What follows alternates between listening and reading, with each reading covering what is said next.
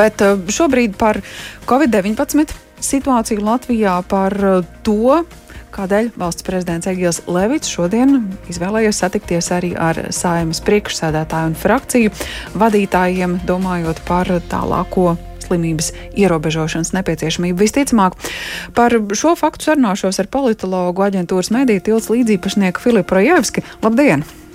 Labdien! Kādas versijas varētu būt, kāpēc prezidents, ja tā var sacīt, izsauc partijas uz sarkanā paklāja tieši šobrīd? Nu, tāpēc, ka es domāju, nu, ja mēs runājam par nu, nu, tur ir vesela lietu kopums, bet es domāju, tajā Covid kontekstā tā lielākā problēma ir, ka no vienas puses atkal un atkal bija jau mēnešiem runā, ka rudenī būs uzviliesmojums, ka būs nu, kaut kādas sitā, situācijas sarežģījumi, ir ieviesti luksusforu, viss, ka, vis, kas ir runāts, bet uh, mums šobrīd ir, nu, mēs redzam, kā tā statistiskie skaiti iet uz augšu.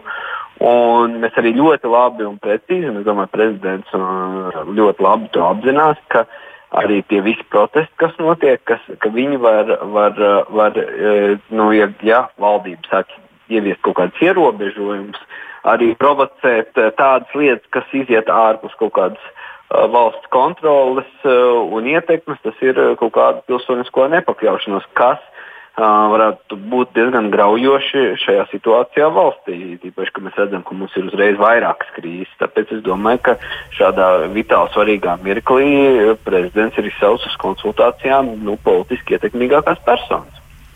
Uh, sakot, ka viņš saredz, ka sājumā tāda neskaidrība izveidojusies, kā rīkoties tālāk, ka viņam ir viedoklis par tālākiem konkrētajiem soļiem un ka būtu jāpanāk vienprātība saimnes deputātu vidū, kas, uh, lai nu par kuru jautājumu, bet par uh, covid ierobežojumiem, tā skaitā par nosacījumiem strādāt, nu, tur ir iespēja panākt vienotību, vienotu noskaņu par to, kā tālāk virzāmies. Nu, te es domāju, ka būtu vajadzīgi vēl arī bez frakciju vadītājiem arī, arī ministri, jo arī uh, ministru vidū nav līdz galam vienprātība. Es domāju, ka tādā saimnes līmenī es pat neredzētu tik lielu šķelšanos un kaut kādu tādu, tādu situāciju, kā mēs redzam tieši uh, kabineta līmenī. Bet nu, tas, ka tas provocē kopumā šī valdības uh, dažu ministru nekonsekvenci, provocē Uh, politiski svarīgs tāds notikums, kas var ļoti ietekmēt politisko procesu valstī. Tas, protams, uzreiz ir uh, arī parlamenta jautājums un, un frakciju vadītāju jautājums, jo mums tomēr jāatcerās, ka nāk vēlēšanas un uh, bez tā, ka var būt kaut kādas neveiksmīgas situācijas ar kaut kādām cilvēku reakcijām uz uh, ierobežojumiem, bet uh, tas arī var ietekmēt ilgtermiņā politiskās izvēles un, un, un arī vēlēšanu rezultātus. Nu, acīm redzot, vismaz valdības vadītājs to saprot un atceras.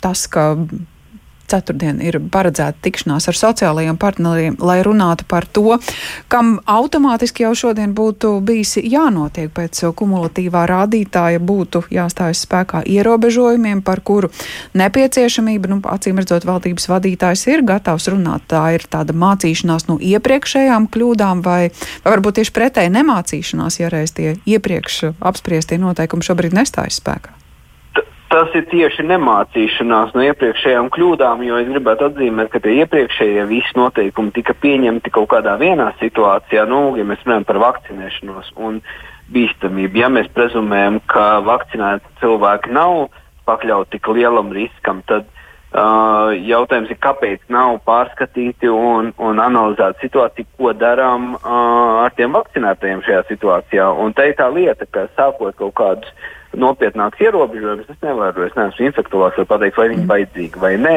vai tas ietekmē vairāk vakcinētos vai ne, neietekmē. Bet tas, ka uh, būs viena daļa, kas nevakcinējās, un mēs viņu, viņu argumentus redzam.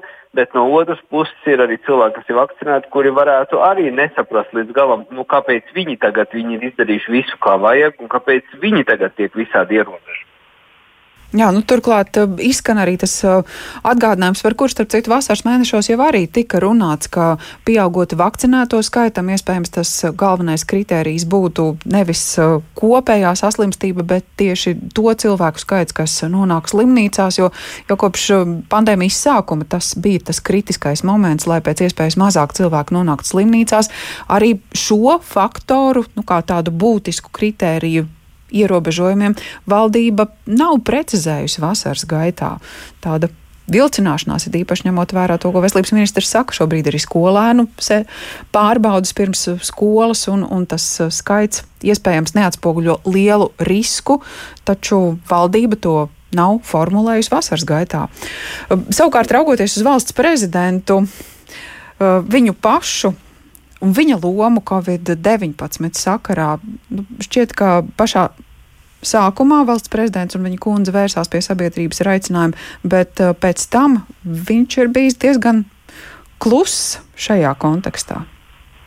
Es pat teiktu, viņš bija lielā mērā uh, valdības advokāts. Kā rezultātā viņš ir ļoti uh, teiksim, tā, samaksājis ar saviem reitingiem, mm. jo viņš ir bijis ļoti atbalstošs premjerministram un valdībai kopumā. Uh, kas viņam ir nu, politiski maksājis dārgi. Šādā situācijā varbūt viņš mēģina šādā veidā šo problēmu risināt un kaut kādā veidā tomēr parādīt savu, savu o, spēju ietekmēt procesus un arī savu pozīciju, tieši savu prezidenta pozīciju o, šajā jautājumā. Šis varbūt ir viena no šīm iniciatīvām, mm. kas, kas, kas tiek izmantot, lai šo demonstrētu. Uh, līdz ar to varbūt ne tik daudz skatoties reitingos, bet tajā kopējā procesā saimā šobrīd ir uh, likuma grozījumi, kas uh, līdzīgi kā citās Eiropas valstīs arī pie mums varētu pieprasīt zināmu amatu ieņēmējiem, zinām profesiju pārstāvjiem tomēr vakcinēties. Nu, droši vien, ka tas ir tas jautājums, par ko šodien arī prezidents ar, ar politiķiem runās. Šis likums līdz oktobrim varētu nonākt līdz finišam. Nu, te jāsaprot, ka no vienas puses, protams, viņam jānonāk līdz finišam, jo tādam likumam nav nekādas vērtības, ja viņš būs nākošā gada maijā. Es atvainojos par tādu sarkasmu, bet, bet ja viņi ievilks, viņi loģiski, ka tādam likumam jābūt pietiekoši ātri pieņemtam, bet es domāju, arī prezidents ļoti labi saprot, tāpat kā visi politiķi, ka tas ir ļoti sarežģīts uh, likums no tāda viedokļa, ka tā attieksme ļoti kontrastaina. Un tie kontrasti, kas ir sabiedrībā, attieksme diezgan precīzi projicējās arī uh, parlamenta locekļu uh, arī šajā attieksmē. Vieni pārstāv, nu, katrs pārstāv kaut kādu, kaut kādu frakciju, domu gaitu, un, protams, ka viņi mēģina to uh, interpretēt un integrēt savu vēlētāju izteiktās vēlmes uh, likumā. Tādēļ Es domāju, ka kompromisi no vienas puses ir plānoti un būs lieli, bet no otras puses jāsaprot, ja ir par daudz kompromisu, tam likumam pēc būtības nav nekādas jēgas, jo viņš noteikti tā nepanāks to, kas viņam ir jāpanāk, ka nu, tomēr sabiedrība vairāk vakcinējās un pats galvenais. Nu, ne jau tā vakcinēšanās ir pirmā lieta, svarīgākā lieta, lai cilvēki var justies drošāk par savu veselību. Paldies par šo komentāru. Filips Rejevskis, politologs un aģentūras medītilts līdzīpašnieks, sarunājāmies gaidot atziņas pēc tam, kad valsts prezidents Egils Levits šo pēcpusdienu būs ticies ar saimnes priekšsēdētāju un frakciju vadītājiem pārunājot tālāko rīcību pandēmijas ierobežošanā un arī vakcinācijas politikā.